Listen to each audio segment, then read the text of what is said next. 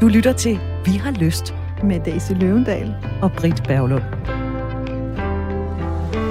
Hej Britt og Daisy. Endnu en gang tak for et virkelig godt program. Måske har I lyst til at tage følgende emne op. Noget med at være nysgerrig på at finde ud af sin seksualitet, selvom man ikke er ung længere. Jeg er lige fyldt 47. At være et stykke ind i livet og have appetit på at udforske og lære nye sider af sin seksualitet. Det kommer sig af, at jeg i mange år har været tilfreds med gåsøjne, traditionel, gåsøjne slut, intimitet og sex, hvad traditionelt så end er, i et langt parforhold. Men ved at være blevet single og har mødt, lad os sige, mænd, der har introduceret mig for forskellige oplevelser, så har jeg fået lyst til at udforske nye sider af mig selv, og det hænger også sammen med min egen personlige udvikling. Jeg er især nysgerrig på polariteter, det maskuline og det feminine, og at lege sammen og energier. Men tænker også, hvad kan der ellers være derude at opdage? Daisy, et brev, vi har fået fra en kvinde på 47, det er jo lige sådan et brev, jeg rigtig, rigtig gerne vil have. Ikke? Altså, jeg tror jo på, at man kan blive ved med at opdage og udvikle og komme i kontakt med hele livet. Seksualiteten er jo også livskilden. Det er jo meget mere end bare penetration og orgasme. Det er jo en det er jo livskraft. Så jeg tænker, ved du hvad, 47, det er ingen alder. Jeg håber, jeg bliver ved med at udvikle mig seksuelt til den dag, jeg dør, og det håber jeg bliver vel over 100. Så vi har allieret os med en mand, der også synes, at seksualitet og udvikling er spændende, og vi glæder os til at dykke ned i det. Og den mand, det er Jakob Kærgaard, der er seksolog og mandecoach. Hej Jakob. Hej så. Jakob han laver øh, kurser, workshops, holder foredrag og coacher om, hvordan man som mand kan mestre og styrke sin seksuelle kraft. Og så er Jacob jo også dybt involveret i det, der hedder Mand 21, som er en sommerworkshop for mænd, kun mænd, hmm. over flere dage. Og så er der faktisk også en bog på trapperne fra Jakob. Bedre sexmand udkommer lige her midt i august. Hmm. Jakob, velkommen til. Tak skal I have. Nu siger jeg jo til at starte med, at du holder foredrag, du coacher, du laver kurser, du laver workshops om, hvordan man som mænd kan mestre og styrke sin seksuelle kraft. Mm-hmm. Det her brev, vi har fået fra en kvinde. Har vi ringet til det forkerte menneske? Nej, det tænker jeg ikke. Altså, det gør en stor forskel, også for den kvindelige part, når man mestrer sin seksuelle kraft, som jeg kalder det. Ikke? Fordi han kommer til at, at, at, at hvile meget mere i sin, i sin seksuelle kraft og, og power. Øh, han kommer også til at performe langt bedre, øh, og han kommer til, hvis, hvis han har lyst til at dyrke det, så kan man også med metoden her lære det at få orgasme uden at få udløsning som mand. Altså få mange orgasmer i træk under sex, som bølger ud rundt i kroppen, og det er mega fedt og giver god energi. Så ja, der er udvikling på alle fronter, det vil jeg sige, og det kommer den kvindelige part selvfølgelig også til at mærke. Og så seksualitet er jo også seksualitet, uanset om man er det ene eller det andet, ikke sandt? Jeg er jo ikke super skarp i det her. Jeg er næsten 47, plus lidt af det løse deromkring. Ikke? Øh, for mig, der kræver det et stenhårdt fundament, det her med at gå ud og udforske seksualiteten. Fordi der er enormt meget for mig tillid i det. Der er enormt meget, øh, vi skal være sammen om det her, og vi skal mm. gå med hinanden i hånden og være 100% sikker på, at vi går den rigtige vej og alt sådan noget. Mm. Omvendt, så kan jeg godt se en fordel i det, som hun skriver her, og det har jeg da også selv praktiseret lidt måske, øh, at hun har lidt. ved at være blevet single, har mødt mænd, der har åbnet nye universer. Hun skriver ikke åbnet nye universer, men hvor med hun har prøvet nogle forskellige ting. Mm. Og det synes jeg jo i den grad også har sin fordel, fordi hvis det ikke var nogen succes, så kan man grine af det, og så behøver man måske aldrig nogensinde ja. at se hinanden igen. Nej, så kan jeg også godt lide det, hun skriver med at finde ud af sin seksualitet. Altså, fordi der er mange, der tænker, at det skal man da have fundet ud af, inden man fylder 18 eller 20 eller et eller andet. Jeg synes jo netop, det er livslangt. Og det behøver ikke at være fra et fundament af, jeg ved ingenting. Det kan også mm. være fra et fundament af, eller jeg har lyst til at finde ud af mere. Og så får jeg også bare lige lyst til at sige, Britt, jeg tror jo også på, at man kan finde ud af rigtig meget alene. Altså, man be- jeg kunne godt du give dig en lille onani, uh, solo-sex-opgave, du overhovedet ikke behøver nogen mm. partner til. Og jeg vil bare sige, at meget den bedste sex i verdenshistorien er gået ned med et menneske med sig selv. Og hvad du så har i dit hoved, det er jo op til dig. Ja, og det er da også en fantastisk forudsætning for at så gøre sexen med en partner bedre. Ja, At man præcis. kender sin egen seksualitet, ikke? Og sin egen nydelse, sin egen, sin egen krop og sin egen orgasme. Altså, jo bedre du kender det med dig selv, jo bedre kan du også samspille med en partner omkring det. Helt klart. Hvor skarp, og nu og man må godt sige nej til at svare på spørgsmål her, Jacob, mm. det ved du, for du, du har været gæst før. ja. Øh, så nu spørger jeg bare, øh, og så må vi se, hvad der kommer ud af mit spørgsmål. Uh-huh. Hvor skarp er du på din egen seksualitet i den, altså du er, du er jo sådan en, en mand, hvad, øh, 40. Ja, 41, ja. ja. Ja. Hvor skarp er du på din seksualitet i en alder 41? S- Hvad mener du med skarp? Ved du fuldstændig alting om din seksualitet, eller er du på en kontinuerlig rejse ud i det der? Jeg er helt sikkert på en kontinuerlig rejse.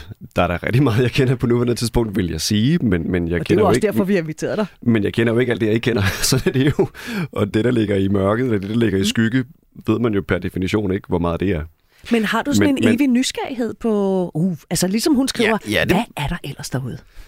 Ja, det vil jeg sige, jeg har. Altså, jeg kan måske se, at, at det, sådan, det kommer lidt i bølger i mit liv. Altså, der kan være perioder, øh, når jeg sådan kigger tilbage, hvor jeg har øh, helt klart i nogle år sådan haft en, en stor sult og drive på at udforske nogle specifikke ting. Øh, og så kan det falde lidt til ro, måske når jeg lige har lært eller oplevet det, jeg skulle, eller fundet den nye del af mig selv igennem nogle af de seksuelle praksiser, som, som, som jeg har dyrket. Ikke? Så kan det falde til ro nogle år igen, og så så sker der nok på et eller andet tidspunkt noget nyt, ikke? Og det er måske lidt en tråd til det, vi, øh, som I sagde lige før, ikke? Med at, jeg tænker, vi udvikler os jo som mennesker hele livet, øhm, og det gør vores seksualitet jo også. Den reflekterer jo også den udvikling, der sker i os på et psykologisk og åndeligt plan, ikke? Så, så selvfølgelig udvikler seksualiteten sig også.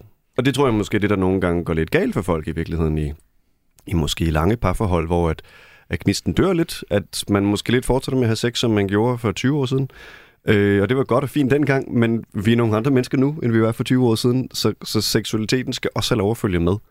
Og de vaner og, og dynamikker, som man ryger ind i i lange parforhold for eksempel, skal også have lov at, at blive smidiggjort og, og udvikle sig. Og det, man ikke kan se, fordi at det her det er radio eller podcast, det er, Mhm. mm-hmm. at Daisy står og nikker. Mm. Mm. Meget entusiastisk. Ja. Altså, jeg, jeg tænker jo også, at man laver jo heller ikke mad i dag, som man gjorde for 20 år siden. Hmm, nej. Altså, du ved, ikke?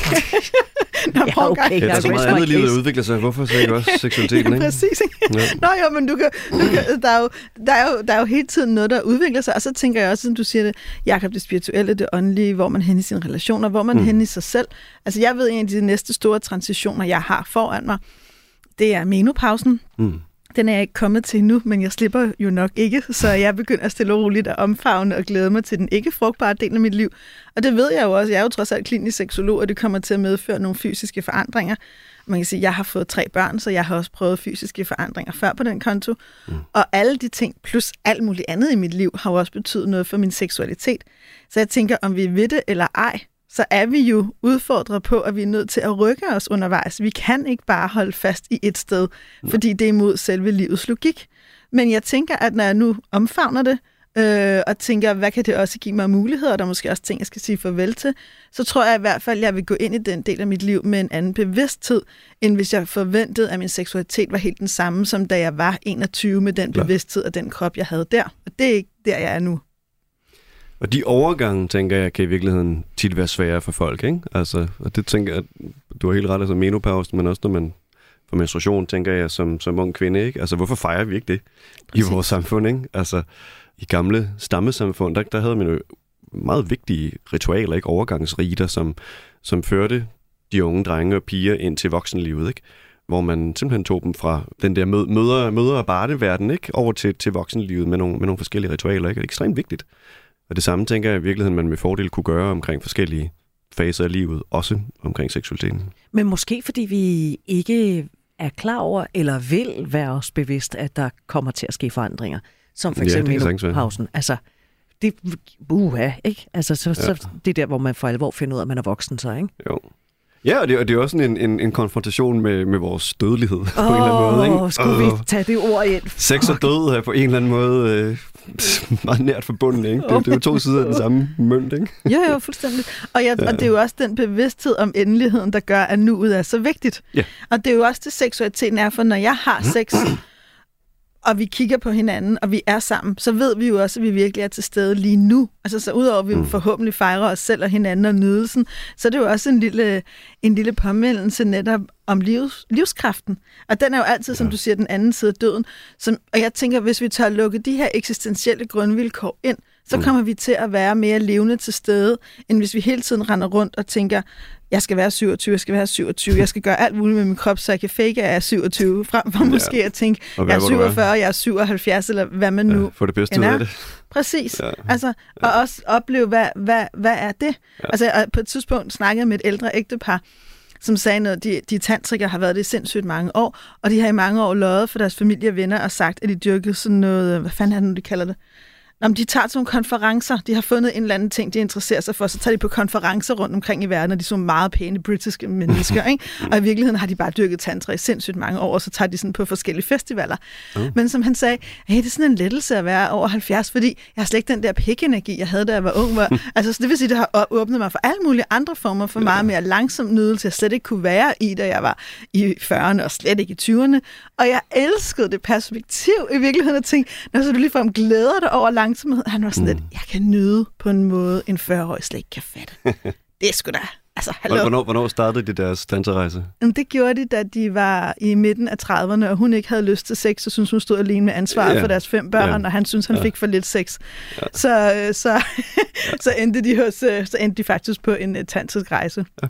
Hvor, hvor klassisk er den fortælling, Jacob, egentlig? Øhm, altså, hvor, hvor mange andre, der, der har en lignende oplevelse, tænker du? Ja, det der med, at så kører man måske lige lidt sur i det der hverdagsliv. Åh, oh, den, er, så... den er meget klassisk. Ja. ja. Og så kaster den, den, vi os over. Den hver gang, jeg kører kursus, vil jeg sige. Som jeg gør cirka en gang om måneden, ikke? Altså, ja, der, der er mange, der kommer midt i livet, ikke? Hvor seksualiteten bare er gået død, ikke? Og hvor de pæklart stadigvæk elsker deres partner og, og, og gerne vil hinanden, ikke? Men hvor øh, de, bare, de kan ikke finde hinanden længere seksuelt, vel? Den ene har måske mere lyst end den anden, og det er ikke altid manden, men, men men måske de fleste gange er det nok manden, men, men, men det kan også være den anden vej rundt, og, og dynamikken er bare blevet skæve, ikke? Og der, kan, og der kan nogle af de tantriske perspektiver, øh, som Daisy siger, og som, og som jeg kører på, på mit kernekursus her, Vital Force Sexual Mastery, det, det kan i den grad reboote de seksuelle dynamikker, som man ryger ind i som par.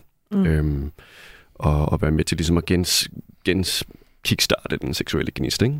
Øhm, så der, der er nogle værktøjer i den verden, der virkelig kan noget der. Og nu har vi så fået det her brev fra en kvinde på 47, mm. som øh, gerne vil finde mere eller ud af mere om sin seksualitet. Og Jacob, øh, da jeg sendte det her brev til dig, der blev du ret glad.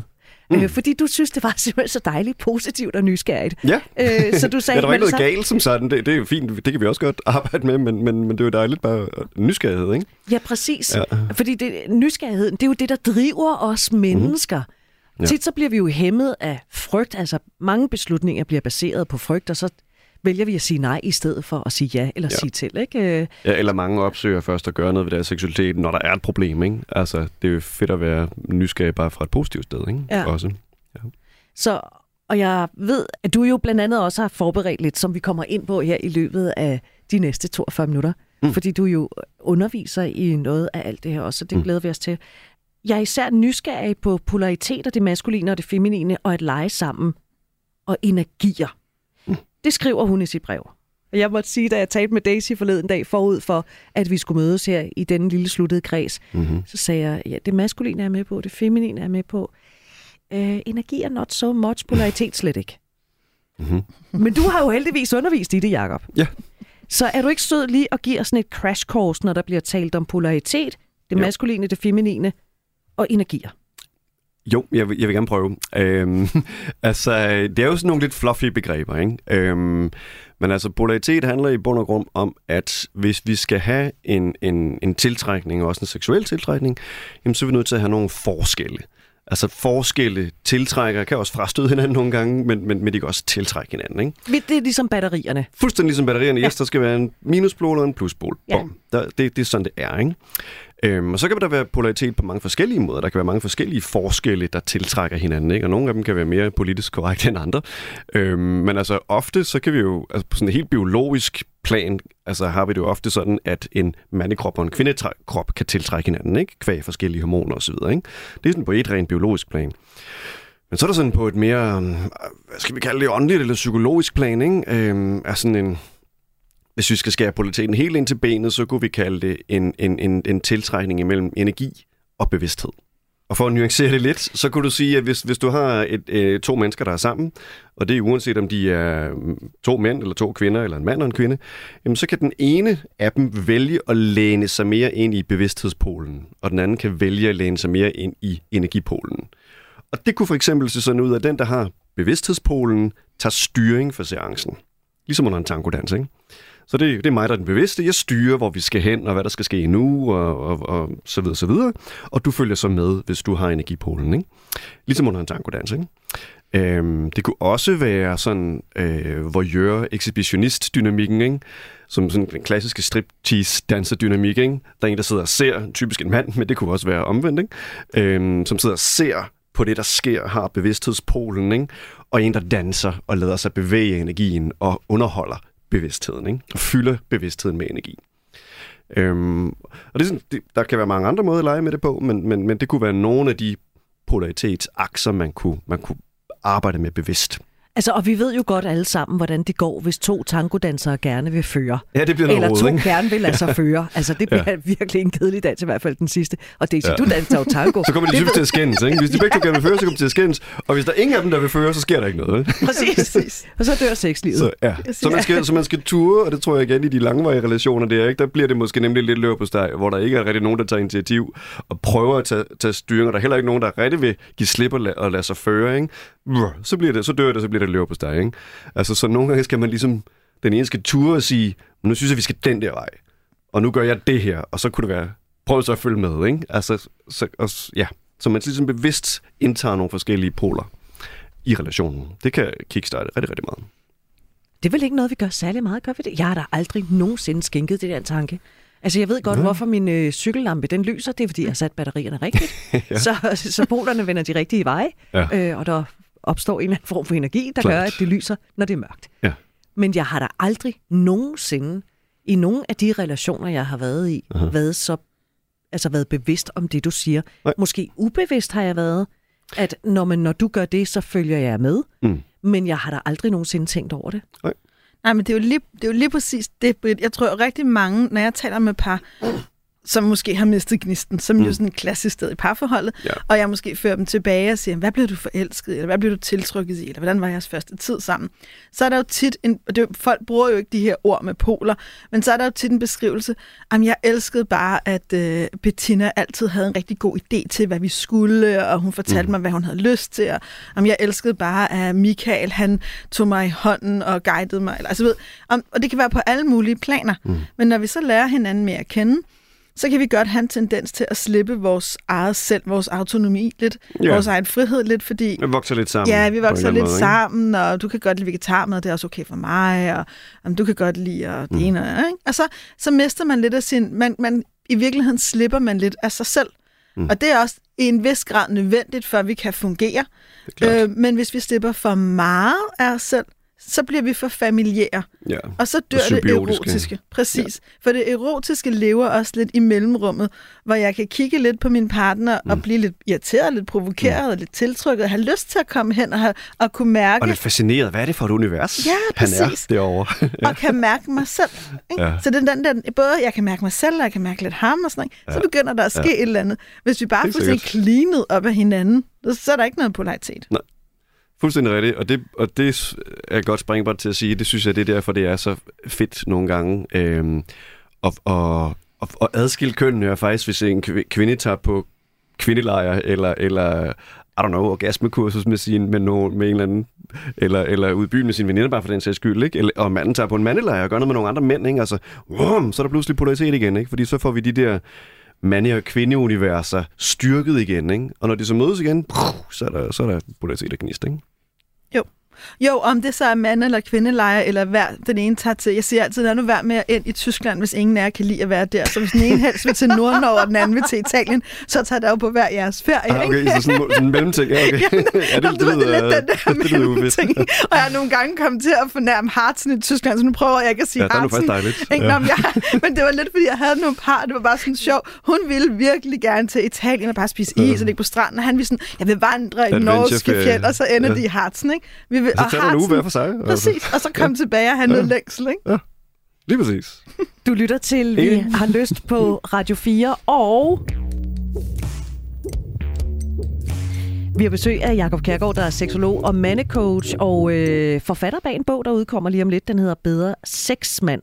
Jakob øh, holder også kurser og workshops og coacher om, hvordan man som mand kan mestre og styrke sin seksuelle kræfter. Vi talte om det her med polaritet, fordi vi har fået brev fra en kvinde på 47, der gerne vil finde ud af mere om sin seksualitet. Og det er jo simpelthen dejligt åbent, nysgerrigt brev, vi har fået. Det her med poler, er det enten eller, eller har vi alle sammen alting i os? I princippet vil jeg sige, at vi alle sammen har alting i os, øhm, men man, de fleste har en, en, en forkærlighed for at være i den ene pol frem for den anden, især i specifikke situationer. Ikke? Øhm, men, men man kan helt klart lære at få adgang til sine forskellige ting. Jeg vil sige, et sexliv, for nu at tale om det, øh, bliver da kun mere spændende, hvis man kan switche. Altså, hvis man lige kan gå over i den anden lejr. Ja, hvis du nogen gange kan styre, og jeg kan give mig hen og omvendt. Ikke? Ja. Øhm, det, så, så bryder man også lidt scriptet for, hvordan mm. sex typisk udvikler sig, ikke? og så bliver det også mere lejende og spændende. Klart. Altså, når jeg arbejder med mine klienter, så undgår jeg tit at sige maskulin og feminin energi, mm. selvom det er den klassiske sprogbrug. Jeg taler tit om sol-måne-energi, mm. eller om giver og modtager, som nogle Eller meget yin-yang, klare roller. ja. Ja. eller yin-yang. Og jeg bruger meget tit det der, hvem er giver, hvem er modtager Ja. her, hvem, hvem, hvem fører på eventyret, hvem går med på eventyret. Sådan taler jeg tit. Og det er fordi, at det for mig er lidt en hjertesag, at man ikke gør nogen forkerte i deres kønsidentitet. Altså, at, man ikke, Klart. at det ikke kommer til at lyde som om, at hvis man som kvinde er handlekraftig og initiativrig og engageret, så er man ikke så tiltrækkende, fordi kvinder skal jo helst være sådan nogle med flagrende lyserøde kjoler, der er enormt blide. Altså, Og jeg, døde hænder. jeg har døde hænder, ikke? Og jeg, og jeg synes, det i virkeligheden Det er lyder ikke enormt... Nej, det gør det ikke. Og jeg synes faktisk, det er enormt vigtigt, at folk som os, både i radioprogrammet og som mig og Jacob, der Ja. arbejder med seksualitet, ikke sætter folk ind i kasser, men egentlig prøver på at slippe dem fri. Så derfor bruger jeg noget, nogle andre sproglige billeder end det maskuline og feminine. Det er rigtigt, det kan være lidt forvirrende nogle gange. Øhm, jeg tror også, jeg synes, min erfaring er, at tit så kan man jo typisk måske være meget øh, maskulin, for nu at bruge det ord igen, ikke? Men, men meget sådan styrende og målbevidst osv. i nogle områder af sit liv, og så meget mere feminin i anførselstegn ikke? i andre områder af livet, ikke? hvor så ens partner kan styre måske, ikke? og det er overhovedet ikke kønsbestemt. Præcis. Det kan være meget forskelligt. Og ofte synes jeg egentlig, folk, folk der sådan klikker godt over lang tid, supplerer i virkeligheden hinanden godt, ikke? At, at de styrer på nogle områder, hvor at, at den anden har det fint med, at der bliver taget styring. Ikke? Øhm, Og det er vel også ja. vigtigt at have for øje, at ligegyldigt hvem man er, så indeholder man både det maskuline og det feminine. afgjort, afgjort. Også ham, der er to meter over skuldrene og hår mellem øh, tænderne. Han har altså også noget feminint i sig. Selvfølgelig. Ja. Eller behovet for at modtage.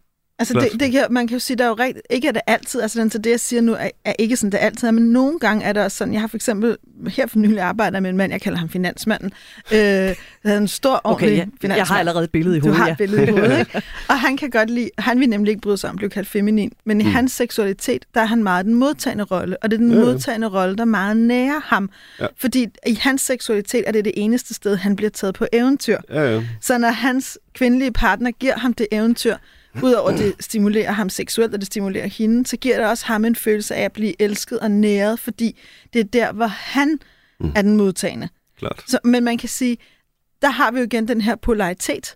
Og det for dem at være bevidste om, de har i virkeligheden altid haft, og noget af det, jeg har lavet i, dag, i arbejdet med dem, der det hele var sandet lidt til, i hvem tager egentlig initiativet, vi ved ikke rigtigt, og så ender det lidt forfra bagfra, du ved, det der manuskript, nogen har. Det der med at få en bevidsthed, har gjort, at hun kunne træde endnu mere ind i hendes rolle, og han kunne læne sig endnu mere ind i hans. Så der er kommet en større forskel, der gør det erotiske mere frægt. Mere Mm. erotisk. Evne, ja. Levende, ja. Ja.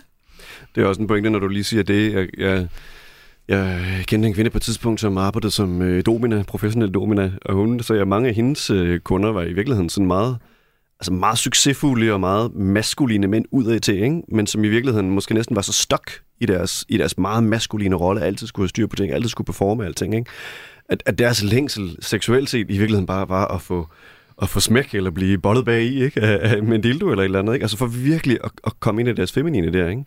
Øhm, så ofte er der sådan en, en balance der, ikke? At hvis man er ybermaskulin udad til, så har man en eller anden undertrykt, mere feminin længsel, ikke? Som så kommer til udtryk der. Og Daisy, jeg ved jo, en af dine kæpheste, det er det der med, at der er ikke nogen rigtig måde at være mand på, der er ikke nogen rigtig måde at være kvinde på. Præcis. Og det er også derfor, jeg synes, det er så svært med sprogbruget, ikke? fordi jeg ser faktisk ikke det at ønske at blive, at blive taget sig af, eller være modtaget eller penetreret mm. som feminint. Jeg ser det egentlig mere som menneskeligt, og det er ikke for at være super Ja, ja, det, men, det er bare et spørgsmål om ord. Jamen, ja. det er nemlig det der. Men der er noget af de ord, jeg tror egentlig særligt den tid, vi lever i lige nu, faktisk er vigtige. Også for i virkeligheden at åbne mm. det, jeg nemlig synes er så vigtigt, også polariteterne op, så vi kan gå ind i dem og være bevidste om, hvad er det for en polaritet, jeg længes efter at være i Mhm. og give i. Mm. Og så er der også bare altså en lille opfordring herfra til mig, til dig, der lytter. Prøv at lege med det. Klart. Altså, prøv en gang at lege også med en andet, end det du umiddelbart længes efter, for det kan også være sjovt. Det koster at starte. ja. Jeg har altid øh, fået at vide, Ja, det at jeg ikke jeg. er særlig feminin. Øh, at jeg er sådan et meget maskulin, maskulin kvinde. Og det er sådan noget, der lidt rider mig som en meget, fordi man mm. har ikke lyst til at være en maskulin kvinde, når det er, at man godt kunne tænke sig en mand, øh, øh, som jo er maskulin, eller må man gå ud fra, som selvfølgelig også er, og nu kommer jeg det ud, ja, ja, jeg ved også, der er det feminin og sådan noget, ikke? Men burde vi i virkeligheden glemme alt om det der med maskulinitet og femininitet? Skulle vi bare skrotte de der ord og så sige, ja, vi indeholder alle sammen lidt salt og peber, og så er der lidt, lidt uh, tørret koriander måske, og uh, skal vi give den gas, så er det paprika. Ja, det kunne man argumentere for. På den anden side tror jeg, at de ord er så... De, de er på en eller anden måde meget ladet, men øh, med historie og, og mening og kultur og alting, og, og, og betyder meget forskellige ting for forskellige mennesker, men, men på den anden side har de også netop derfor noget, noget poesi og noget kraft på en eller anden måde. Ikke? Altså, jeg kan på en eller anden måde meget godt lide dem. Øhm, de skal bare nuanceres lidt, ikke? Og, og det skal gøres klart, at det ikke er kønsspecifikke termer. Ja. ja, fordi jeg kunne godt forestille mig, at der er nogen altså, mænd, som ikke synes, det er fedt at få at vide, ja, du er jo også feminin. Jamen, så skal de og måske bare kvinder, embrace som... det. Jamen, sige. det kan sgu da godt være svært. Ja, okay, men der er der mange ting, der er svære her i livet, Åh oh, ja. som man kan lære noget af. Tak fordi du er kommet, Jacob. Lige tak. deler på kindheste, det er dejligt. Nå. det er dejligt, du Jeg, siger jeg synes, så det er skønt at embrace min feminine side. Altså nu min, min kæreste, hun, hun har fået overtalt mig til at sætte en, øh, en, en pole op hjemme i stuen. Gud hjælp mig. Øhm, fordi hun la- laver pole dance, ikke? Og jeg var først var sådan lidt, det spørger du simpelthen ikke om, at det kunne du godt droppe, ikke? Men så var jeg sådan, hmm, det er da meget sjovt. Så kan jeg da sidde der og kigge på hende og indtage min maskuline bevidsthedspol og se hende danse for mig, ikke? Ej, Nå, Jacob, jeg troede lige, du ville sige, at du også Jamen, danser. men, det kommer, men det kommer nu, fordi det gør jeg da ikke engang imellem.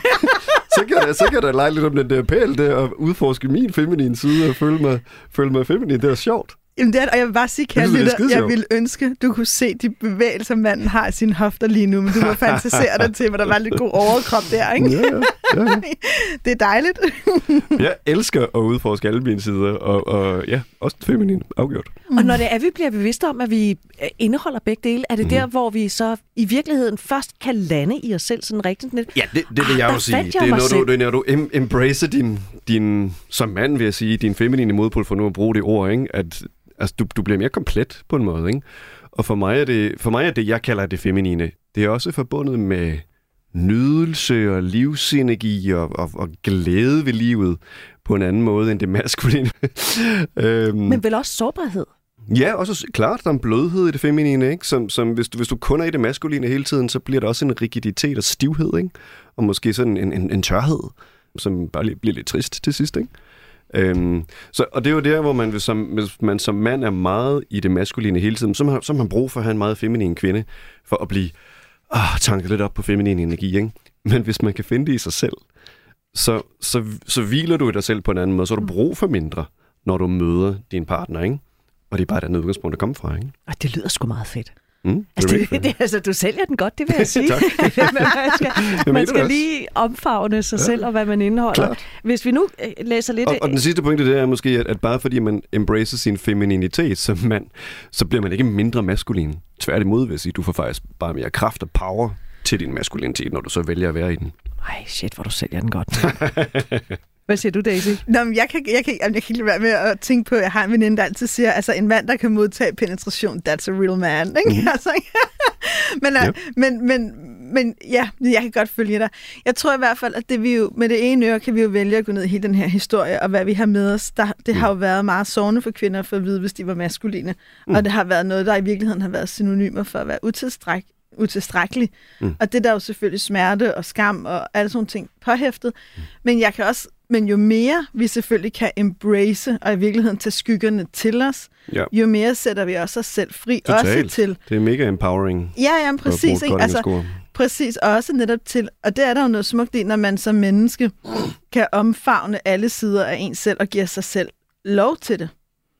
Så for mig er det den rigtige åndelige rejse, Ja, vil jeg sige. Og embrace alle skyggerne, ikke? Og alt, alle de sider, vi rummer. Ja. præcis. Og finde den der måde, vi kan, vi kan være med det på. Klart. Altså nu, nu går jeg sgu lidt uden for det, som vi egentlig taler om, men det er fordi, jeg bliver simpelthen så nysgerrig på dig, Jacob. Når du mm. taler om det her, du er 41. Mm. Hvor, altså, hvornår nåede du den, hvis du vil fortælle det, den åbenbaring, at der var mere i livet end bare som så? Altså, hvornår blev du bevidst om, hey, mm. det her, det kan sgu noget? Altså, Mm. polerne, energierne, det maskuline, det feminine. Er sådan et meget personligt spørgsmål, men altså, det, det, det kan jeg godt det, dele. Det startede meget tidligt for mig, vil jeg sige. Jeg, øh, altså, som teenager var jeg... Jeg, vil sige, jeg havde et meget rigt indre liv. Jeg, jeg skrev masser af digte og noveller, og øh, en, fan, en, en, faktisk en fantasy-roman som, som 14-årig, for det skal være løgn, som ikke blev udgivet, men, men jeg skrev en, faktisk en hel roman dengang, ikke? med en helt anden verden og alting. Ikke? Så sådan meget, meget rigt indre liv. Øhm, men, men levede selvfølgelig også som teenager. Jeg gik i gymnasiet øh, hos mine forældre i, øh, i Kalundborg. Ikke? Sådan rel- relativt almindeligt liv ud af til. Men, men så som 19-årig drev forskellige ting mig ud på en lang rejse, øh, som endte med at tage mig over Middelhavet i ni måneder, som 19- og 20-årig. Og, og det var virkelig sådan der, hvor at hele den der åndelige verden bare åbnede sig. Det var ekstremt overvældende dengang. Altså, og, og altså sådan, jeg, jeg følte, jeg gik lidt i stykker på en eller anden måde. Øh, den identitet, jeg havde som Jakob, som øh, boede hjemme hos mine forældre og gik i gymnasiet og du, du, du, og sådan, den, den, den smulrede på en eller anden måde. Ikke? Det, var, det var ret overvældende. Så du skulle finde ud af, hvem er jeg nu? Ja, det, der var et par år, da jeg kom hjem, som var ret svære, vil jeg sige, og jeg virkelig sådan måtte, wow, altså prøve at navigere og, og, og finde rundt i den der indre verden, som bare havde vist sig at være helt vildt meget større, end, end, end jeg oplevede før. Ikke? Så det startede ret tidligt for mig, øhm, på godt og ondt. Øh, det, var, det var svært i starten, for jeg havde ikke rigtig nogen til at guide mig. Så jeg måtte ligesom sådan selv slå mig på det og, og, og finde en vej igennem det. Ikke? Men fandt også en masse spændende værktøjer i den proces, øhm, som, hvor mange af dem, dem, dem bruger jeg nu ikke? i mit arbejde til at, til at guide folk. Tusind tak, fordi du ville fortælle om det. Det synes Selv jeg var øh, ret berigende. Mm. Nu vender vi altså tilbage til det brev, ja. vi har fået fra den her kvinde på 47, som jo gerne vil finde ud af mere øh, om sin seksualitet. Vi ved jo ikke, hvad hun allerede har prøvet, men hun skriver, tænker også på, hvad der ellers kan være derude at opdage. Og straks så tænker jeg, hvad er det allerede, du har opdaget? Det er jo simpelthen så nysgerrig Ja, det på. spændende at høre. Men, men du sagde, da jeg, Jacob, da vi talte forud for, at vi skulle mødes om det her, at øh, du kunne da godt fortælle lidt sådan om den seksuelle undergrund. Og straks så så jeg jo noget med, fordi jeg er så stokkonservativ, som jeg er, så så jeg et meget mørkt univers, hvor man lå og tog stoffer. Og man gjorde alt muligt, fordi det der undergrund for mig, det er sådan noget, Ja, det er forbudte, det er det der, at det taler vi ikke om, og det der, du skal slet ikke sige, hvis du er en del af det, fordi så er du et skidt menneske. Så er du sød og fortælle om den seksuelle undergrund? Jamen, det kan jeg godt. Hvad det i virkeligheden er, når du også siger seksuelle undergrund. Ja, altså, når, når, ja, når jeg kalder den seksuelle undergrund, så er det jo, så er det, så er det vel fordi, at lad os sige, øh, parret, som bor i et parcelhus i Rødovre, ikke, og som går i svingerklub, altså, de har måske ikke nødvendigvis lyst til at dele det med alle, vel? Så derfor så, så holder de det jo nok lidt for sig selv i, i privatsfæren, og måske deler det med nogle få, de kender, ikke? Så det vil sige, det er lidt i undergrunden i forhold til deres sådan almindelige liv, ikke? Så, så det er det, jeg mener, ikke? At, at der, der er nogle ting, man udforsker, uden at dele det med alle, ikke? Men så sker der jo en del ting i den der undergrund. Altså, der er jo, der er jo alt lige fra BDSM-klubber, hvor man kan udforske dominans og underkastelse og styring og hengivelse på forskellige måder, ikke? Diverse fetischer, man kan udforske til diverse sexfester, øhm, øh, japansk bondage, som er blevet meget populært, ikke? Øh, er der nogle steder her i København, man kan udforske diverse klubber, ikke? Tantra-miljøet, som jeg tror sidst jeg talte, det var der 10 forskellige selverklærede erklærede tantraskoler, bare her i lille Danmark, ikke? Sådan, sådan typisk har sådan en lidt mere mm, eksplicit spirituel tilgang til det seksuelle, altså at det ikke bare er sjov ballade, men vi kan også bruge det til at, at lære noget af mig selv, og, og komme dybere i os selv, og nå en eller anden form for åndelig udvikling, vil nogen kalde det, ikke? For, sådan for at gøre det helt high flown. Øhm, så der er rigtig mange takes på det, og måder at arbejde og lege med seksualiteten på i den seksuelle undergrund. Men ja, Jeg kom bare. men, men hvis man sådan, jeg synes, hvis jeg skal sådan øh, dele det lidt op, så vil jeg sige, at man kunne sådan, man kan gå til at arbejde og lege med sin seksualitet med i hvert fald fire forskellige intentioner. Sikkert også flere, men, men i hvert fald fire.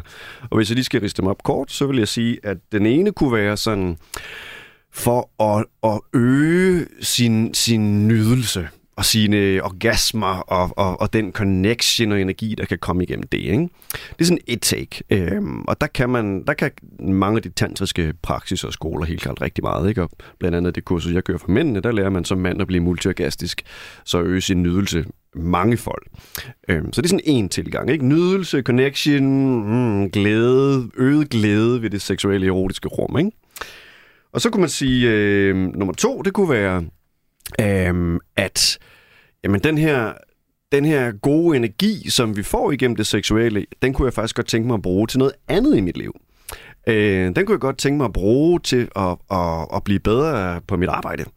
Eller blive lidt mere passioneret og engageret i mine fritidsinteresser. Mere på, når jeg er sammen med mine børn, så jeg ikke bare ligner en slap kartoffel inde på sofaen sidst, sidst på eftermiddagen. Øh, mere nærværende i mit parforhold. Øh, og det kan man gøre også ved at arbejde bevidst med den seksuelle energi. Den er livskraft, øh, som Daisy også var inde på tidligere. Ikke? Så altså, der kan intentionen så være, at vi dykker ind i det seksuelle rum og arbejder med den seksuelle energi og kraft for at blive bedre til noget uden for sengen, uden for det seksuelle rum. Og det var meget det, man gjorde rigtig meget i den taoistiske, taoistiske tradition i Fjernøsten. Der var ideen det her med, at vi kultiverer vores seksuelle kraft for at blive en bedre kampsportsudøver, eller bedre til vores job, eller have et bedre helbred, eller noget andet. Ikke?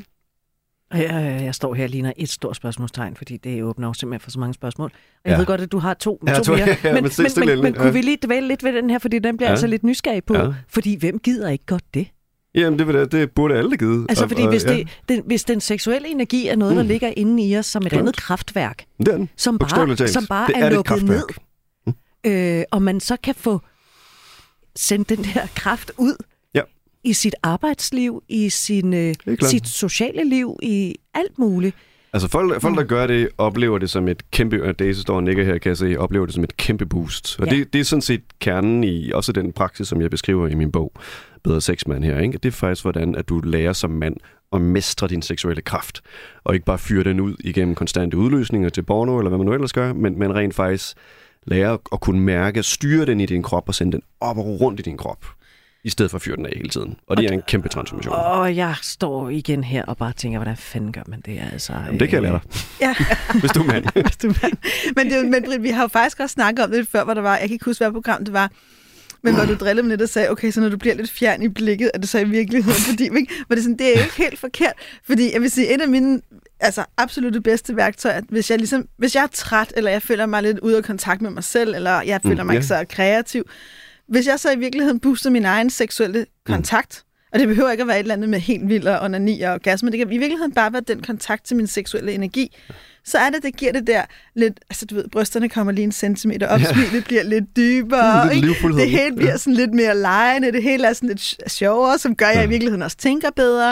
Altså det er noget af det, vi også ved fra forskningen, når vi har det bedre, når vi har det lidt bedre, så har vi flere ressourcer, vi løser problemer bedre, vi tænker hurtigere, mm. vi går ikke i stå, når der er, at noget går os imod, altså den der kreativitet, vi kommer i bedre kontakt med andre mennesker, vi kan bedre mærke dem, jeg kan mm. bedre mm. møde en, og i stedet for at gøre dem til min fjende, være sådan lidt, oh, kan vi lige tage den snak, kan vi lige gøre det her for en ja, anden vinkel, kan vi ja. finde hinanden det i det? Andet altså, overskud, der er andet overskud. Ja.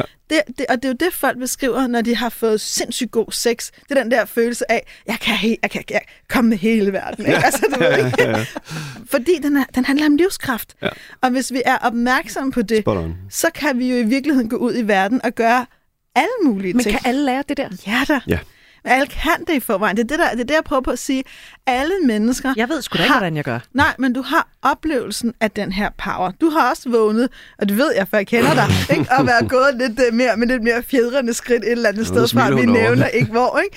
Så det handler i virkeligheden om at gøre sig bevidst om, det, det er bare ja. det der. Du skal bare tænde for det. Ja, og så bruge det lidt mere bevidst. Præcis. Ja, det er sådan den ene del. Den anden del er også, når vi i det seksuelle rum formår at være os selv, ikke? Og noget af det, vi har talt meget om her i programmet, er jo også at stå, stå ved vores seksualitet. Det er jo i virkeligheden et meta. Ikke? Når mm. vi får sagt til den, vi elsker, jeg er biseksuel, eller der er også et sted inde i mig, der kan lide at få klask i røven, eller der er ja, også et sted inde i mig, der er præcis, som, som har det her, uanset om vi bruger det eller ej.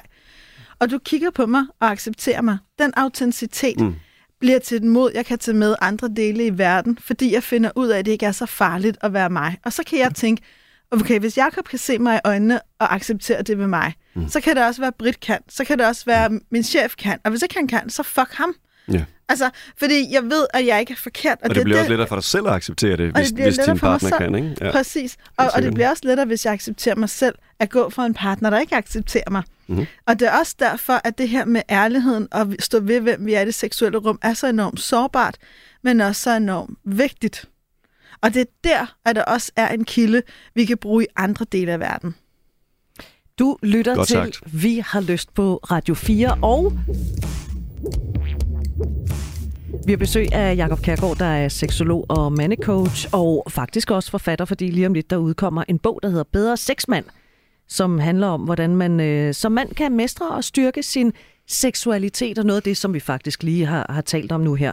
Og vi har øh, ringet efter Jakob, fordi vi har fået et brev fra en kvinde på 47, der gerne vil finde ud af mere om sin seksualitet, og vi er allerede godt i gang. Kan vi hoppe tilbage på de fire punkter? Vi mm. havde øge nydelsen, så havde vi det her med at bruge sin seksuelle energi uden for soveværelse, ja. uden for carporten, uden ja. for alt det der i sit øvrige liv. Jeg er ikke sikker på, at jeg helt har forstået, hvordan man gør, men det kan være, at vi kan, det, komme, vi kan, vi kan lave et uh, crash course på en eller anden måde. Så er der to punkter tilbage, Jacob. Ja, og, og igen, der, det her er jo bare en måde at rubricere det på, ikke? Altså, øhm, en måde, man kan kunne forskellige intentioner, man kan, man kan arbejde med sin seksualitet på, ikke?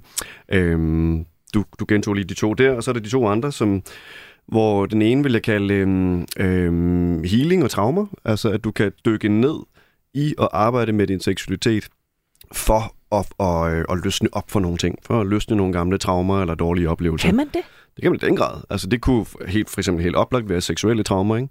Øhm, nogle gange er det bedste sted at forløse dem ved at, at gå det samme sted hen, hvor det skete. Ikke? Altså, hvis det er et seksuelt traume, så arbejde med det via seksualiteten. Øhm, så det kan man gøre øh, diverse øh, tantramassager, øh, hvis det er en, der ved, hvad de laver, kan, kan, kan, kan være et godt supplement til det. Øh, og man kan selvfølgelig også bruge mere traditionel terapi. Øh, man kan dykke ind i, i det rum med, med en partner, hvis man har en, man stoler på der, og man har en dårlig oplevelse for tidligere. Det, det kan jo nogle gange komme op under sex. Øh, også selvom det ikke er intentionen. Øh, så der kan man også nogle gange forløse det. Så du kan, du kan gå til det seksuelle rum øh, med den intention og løsne op for nogle ting. Ikke? Og blive helet. Ja, i den grad. Og en del, en del af sådan moderne øh, tantra fokuserer på det. Øhm, det er langt fra det eneste, man kan med tantraen, men, men, men det er et vigtigt aspekt for mange.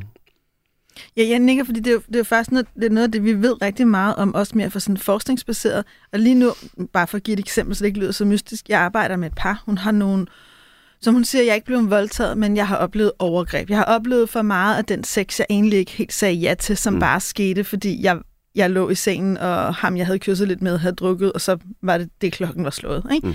I virkeligheden også noget, man er, vi er begyndt i dag at have en større bevidsthed om, også med samtykkelov, end vi måske havde bare for 10 år siden. Ikke? Så hun forsvinder tit under sex, og hun har ikke så mm. meget lyst, fordi det ligger jo i hendes krop, så når hun går ind i det seksuelle, også med hendes ja. nuværende partner, kommer det op. Og en af de måder, de arbejder med det her på, og jeg har talt meget med dem om, det er, når han mærker, at hun forsvinder, så stopper han og kigger hende i øjnene ja. og trækker vejret med ja. hende, så hun ligesom får muligheden for at komme tilbage ja. og selv bestemme, om hun der vil stoppe og drikke te, og så er de stadigvæk kærlige, eller om hun gerne vil fortsætte.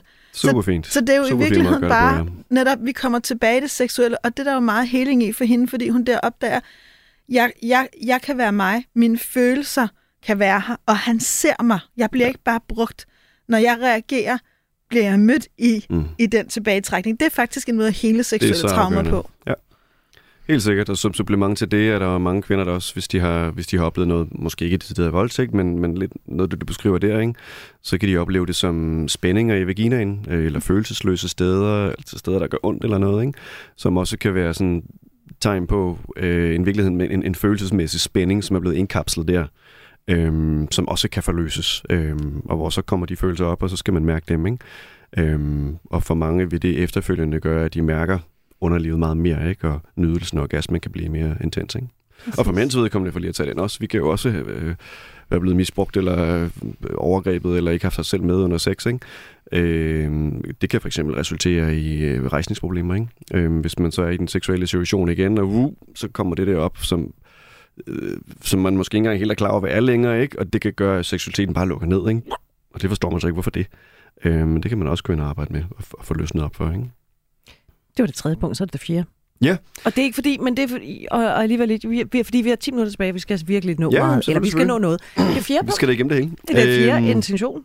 Jamen, den fjerde intention er sådan... Øh, på nogle punkter måske den mest spændende, sådan, sy- synes jeg i hvert fald. Altså, men, men, men, men det er jo sådan der, hvor at, at, at du i virkeligheden bruger seksualiteten aktivt til at komme nogle forskellige steder hen i dig selv og din egen psyke, øhm, som du måske ikke ellers kender. Ikke? Sådan noget, man også kan gøre med langtidsmeditation, eller, eller ved at tage nogle øh, gode psykedelika eller noget andet, kan, kan man få ekspanderet bevidstheden og mærke nogle sider af sig selv, som man ellers ikke kendte. Ikke? Og få adgang måske til nogle indsigter, nogle, nogle kræfter og energi i sig selv, som man ikke kendte før. Øh, måske nogle talenter eller, eller noget andet, som, som ikke var en del af ens bevidsthed ellers. Ikke? Øhm, super spændende. Og der, og der synes jeg, som sagt, man kan udforske det på mange måder. Den slags ting, der er mange værktøjer til at, at, at integrere den slags ting, som ligger i, i, i, øh, i det ubevidste. Ikke? Øhm, men jeg synes, det, det seksuelle rum er et fantastisk sted at gøre det. Fordi at for det første at dele den rejse med en partner er bare mega, mega stærkt. Og, og lidt som Daisy var inde på før, det her med altså at blive mødt i det, og hvad man rummer, og den forbundethed og, tillid og selvaccept, der kan opstå, det er virkelig, virkelig smuk og stærk. Øhm, og så er det jo også, altså i modsætning til for eksempel brugen af forskellige psykedelika, som er blevet ret populært øh, nu om stunder forskellige steder, ikke? Altså det, det, det kan noget, men, men, men det er også det er et meget potent værktøj, ikke? Og, og, og, og potentielt øh, også farligt. Øh, fordi at det, det går meget stærkt, og det, det, det kan åbne meget kraftigt, ikke? Og der synes jeg, at det seksuelle rum er... Det kan, alligevel, det kan gå ret hurtigt der, fordi det er intense energier, vi arbejder med, men du er stadig ved din fuld fem, om man så må sige. Ikke? Øhm, og det synes jeg ofte gør, at de ting, man, man finder der i det seksuelle rum, på den måde kan, kan blive integreret bedre, end, end ved, ved, ved se andre værktøjer. Ikke? Altså det, jeg har slet ikke været klar over, hvor meget at, altså, vores Hvor meget du har seksuelle... misset. Præcis. Hvad er det, Det jeg er har noget, gået, hvad er det, jeg har gået glip af så mange år? Ja, ja. Nå, men Daisy, du siger jo, det er aldrig for sent at gå i gang. Ah, nej, øh, præcis. Det, Noget af det, hun øh, skriver her, det er jo, hun har haft det her langvarige parforhold, som blev, Mm. mm. og nu skal jeg citere hende rigtigt, traditionel intimitet og sex, og skriver om, hvad traditionel så han er. Mm. Nu er hun så blevet single, og har mødt, og hun skriver, lad os sige, mænd, der har introduceret mig for forskellige oplevelser. Er det i virkeligheden, Jacob, hvis man gerne vil øh, udvide og vide mere om sin seksualitet, er det bare meget federe at være single, end at være i parforhold? Hmm, ikke nødvendigvis, men øh, det kræver det selvfølgelig, hvis man, øh, hvis man øh, har en partner, at, at vedkommende er med på det. det er da klart. Øhm, God Ellers... kommunikation, som altid. Ja, ja. Og, og sådan en, en, en, en vis åbenhed for at, at, at, at være nysgerrig sammen og udforske nogle ting sammen. Ikke? Mm. Og det behøver ikke, at man nødvendigvis sige, at man skal tage til svingerfest næste lørdag, vel? Men altså, det kan jo godt bare være, at man for eksempel starter med at have en åbenhed om at ja, snakke om, hvad man godt kan lide, og måske øh, dele et par fantasier, som man måske ikke har delt før med ens partner. Ikke? Øhm, Og der skal man jo lige tænke sig om, at man ikke peger fingre, og at man også formulerer sig, så det ikke lyder som om, jeg er øvrigt pisse træt af det, vi gør allerede nu. Det er klart, Ja, og det, præcis. det er selvfølgelig en nem fælde at falde i. Ikke? Men, og en anden ting er, med fantasierne synes jeg ikke, at... at altså, det, det, det, det, det er vigtigt at slå en kile ned igennem, at bare fordi jeg har en fantasi, så er det ikke nødvendigvis sikkert, at jeg har lyst til at udleve den. Øhm, og, det, og jeg er jo ikke ansvarlig for mine fantasier, jeg har ikke valgt dem. Altså, de, de er blevet, plantet i mig af Gud, eller naturen, eller universet, eller whatever, ikke? De er der bare. Så, så, så, men, men jeg er selvfølgelig ansvarlig for, hvad jeg gør med dem. Mm. Øhm, men, men det at kunne dele fantasier øh, med en partner kan, kan, være, kan være et super frækt og lækkert sted at starte, ikke? Man kan jo sige lidt ligesom vi talte om, noget af det vi ved fra forskning og fantasier, hvor- jeg blandt andet var inspireret af ham, der hedder Justin LeMiller, der er fantasier jo også et spejl på nogle af vores indre længsler. Som for eksempel, at lever vi et meget kontrolleret liv, kan vi have en længsel efter noget, der er meget løssluppen. Lever vi et, et liv med meget fokus, kan vi have det større indre længsel efter eventyr osv. Men, men noget af det, jeg, kommer, men noget af det, jeg får lyst til at sige, det er, at vi kommer jo også tilbage til det her med, at hvis man nu har en del af sig selv, man ikke rigtig får så meget udlevet, apropos Mm, mm, polariteter, Ja. så kan der jo være en meget, i virkeligheden enkelt ting, som er at sige måske til sin partner, okay, jeg har lyst til at tage min mere styrende side frem, og være lidt mere den, der i virkeligheden giver. Hvordan er det? En af de øvelser, jeg har lavet mange gange i min kvindecirkel, er, at, den, at det er så kvinder, der gør det sammen. Den ene modtager, og den anden giver. Og mange af de der kvinder opdager, gud, det er egentlig mega fedt at være den givende, fordi mm. det er en energi, mange måske ikke bruger. Så det der med at I få lov til at gå ind i det, ja. præcis, og der bruger vi altså håndmassage som udgangspunkt for berøring, så det er meget stille og roligt. Men det der med også at opdage, hey, der sker noget andet i mig, når det lige pludselig er mig, der giver dig den her massage, og så har jeg sådan nogle ekstra opgaver, som blandt andet handler om, om man giver, som man tror, hvad den anden vil have, mm. eller om man giver med fokuseret på, hvad man selv kan lide at tage. Mm. Altså, og det er to meget forskellige, og bare, Ja, bare det er det Wheel of med, Consent, ikke? Det er en del Ja, af Wheel of ja. Consent. Øhm, så i virkeligheden bare det her med at tænke på den måde, gør jo noget andet. Og det er jo en meget lille ting, som ikke kræver det helt store udtræk eller medlemskab til den lokale svingerklub, at man i virkeligheden bare kan røre sig selv med forskellige intentioner, eller røre ens partner med forskellige intentioner. Klart. Og så får jeg, får jeg og så, nu du spurgte om det der med single-liv, så får jeg lige lyst til at nævne, at der er jo rigtig mange, også i vores tid, der eksperimenterer med at være sammen på andre måder, som for eksempel folk, der vælger at være et par og bo hver for sig, altså de såkaldte cola-par, som jo også nogen bruger for at finde en måde, hvordan kan vi både være os selv, øh, og samtidig være et par og bevare den her plads til det erotiske. Så det kom jeg til at tænke på, da jeg læste det her brev, at det er jo også, en, det er jo også noget, der er derude, som jeg oplever flere og flere vælger, fordi de ikke har lyst til at gå ind i den her Hartsen-mindset øh, derhjemme. Og nu får du skæld ud igen fra Hartsen Turistbureau. øh, men cola par couples living apart. Man er i et fast parforhold, man måske oven i købet gift, men man vælger at bo hver for sig. På den måde, der kan man vælge hinanden til. Og det er også lidt spændende, hvad der er, der måske lige skal over hos den anden. Ikke? At det Klart. går op i sure sokker, og i øvrigt, hvem, hvem var det nu, der skulle have købt mælk med hjem? Ikke? Klart. Så det kan også noget. Det kan også noget. Og der vil jeg bare sige, hvis du podcaster os, så på tirsdag, der kan du rent faktisk høre mere om det her med couples living apart, fordi øh, vi har en aftale med Cecilie, der praktiserer det. Præcis. Ja, og det skal vi nemlig høre om. Nå, lad os lige sige, hvis nu man øh, har lyst til at kaste sig ud i at finde ud af mere om sin seksualitet. Jeg ved godt, det er et meget, meget stort emne, øh, Jakob. Mm-hmm. Og jeg ved også, man kan... Lige om lidt, så er jeg bange for, at du kommer til at ryste på hovedet af mig, når jeg siger, øh, hvordan går man så i gang med det? Men hvordan går man i gang med det? Altså, kan du forklare det på to minutter? Det, det er der, der, der er jo Challenge tusind ting, man accepted. kan, Ja, altså hvis, hvis man er mand, så synes jeg, at man skal købe min bog. Øhm, det er da et godt sted at starte. Eller som kvinde kan man jo købe den også og blive nysgerrig, eller give den til sin kæreste, eller partner, eller bror, eller ven. Øhm, bøger, bøger kan jo være et godt sted at starte. Øh, generelt, det er jo sådan lidt, det er jo lidt i sikker afstand, kan man sige, fra, fra, øh, fra, fra alt muligt andet.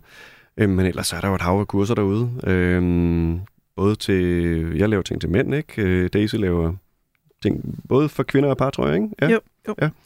Øhm, så, så altså, jeg vil sige, google lidt på nettet og, og, og se, hvad der er, der, der inspirerer en, ikke? Men Hvis man skal ikke nødvendigvis lige kaste sig ned i den nærmeste svingerklub nede på hjørnet og så sige... Nej, det er jo bare det er jo bare et aspekt af den seksuelle undergrund, kan vi sige, ikke? Jo, jo, jo, jo der er men, der men man, andre- skal, man skal måske tænke sig om, inden man kaster sig ud i noget. Eller hvad? Ja, af den karakter, ja, men altså, det, det vil jeg da sige, men, men altså, det, det er måske også, måske det er blevet sådan lidt et skræmmebillede for mange, tror jeg, ikke? Uh, de der svingerfester og sådan noget, jo alle knaller med alle og sådan. Øh, det, det, det gør de jo ikke nødvendigvis altid, men, men altså, øhm, det, det, det, ja, der er mange måder, andre måder at gøre det på, ikke? Altså, jeg synes, den der, i, I virkeligheden vil jeg sige, starter det nok der. Jeg tror, Daisy var lidt inde på det tidligere, ikke? Men, og det er også en vigtig del af den praksis, som jeg anbefaler mændene. Altså, en, start med din egen krop.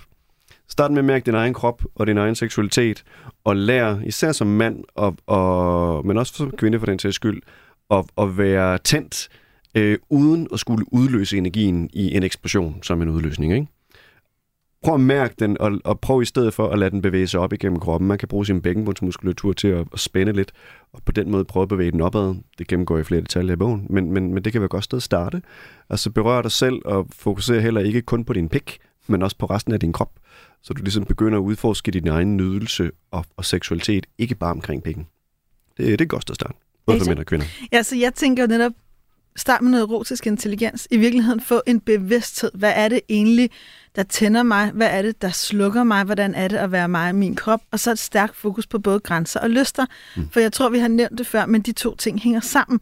Det der med at kende ens grænser er forudsætning for, at vi kan udleve vores lyster.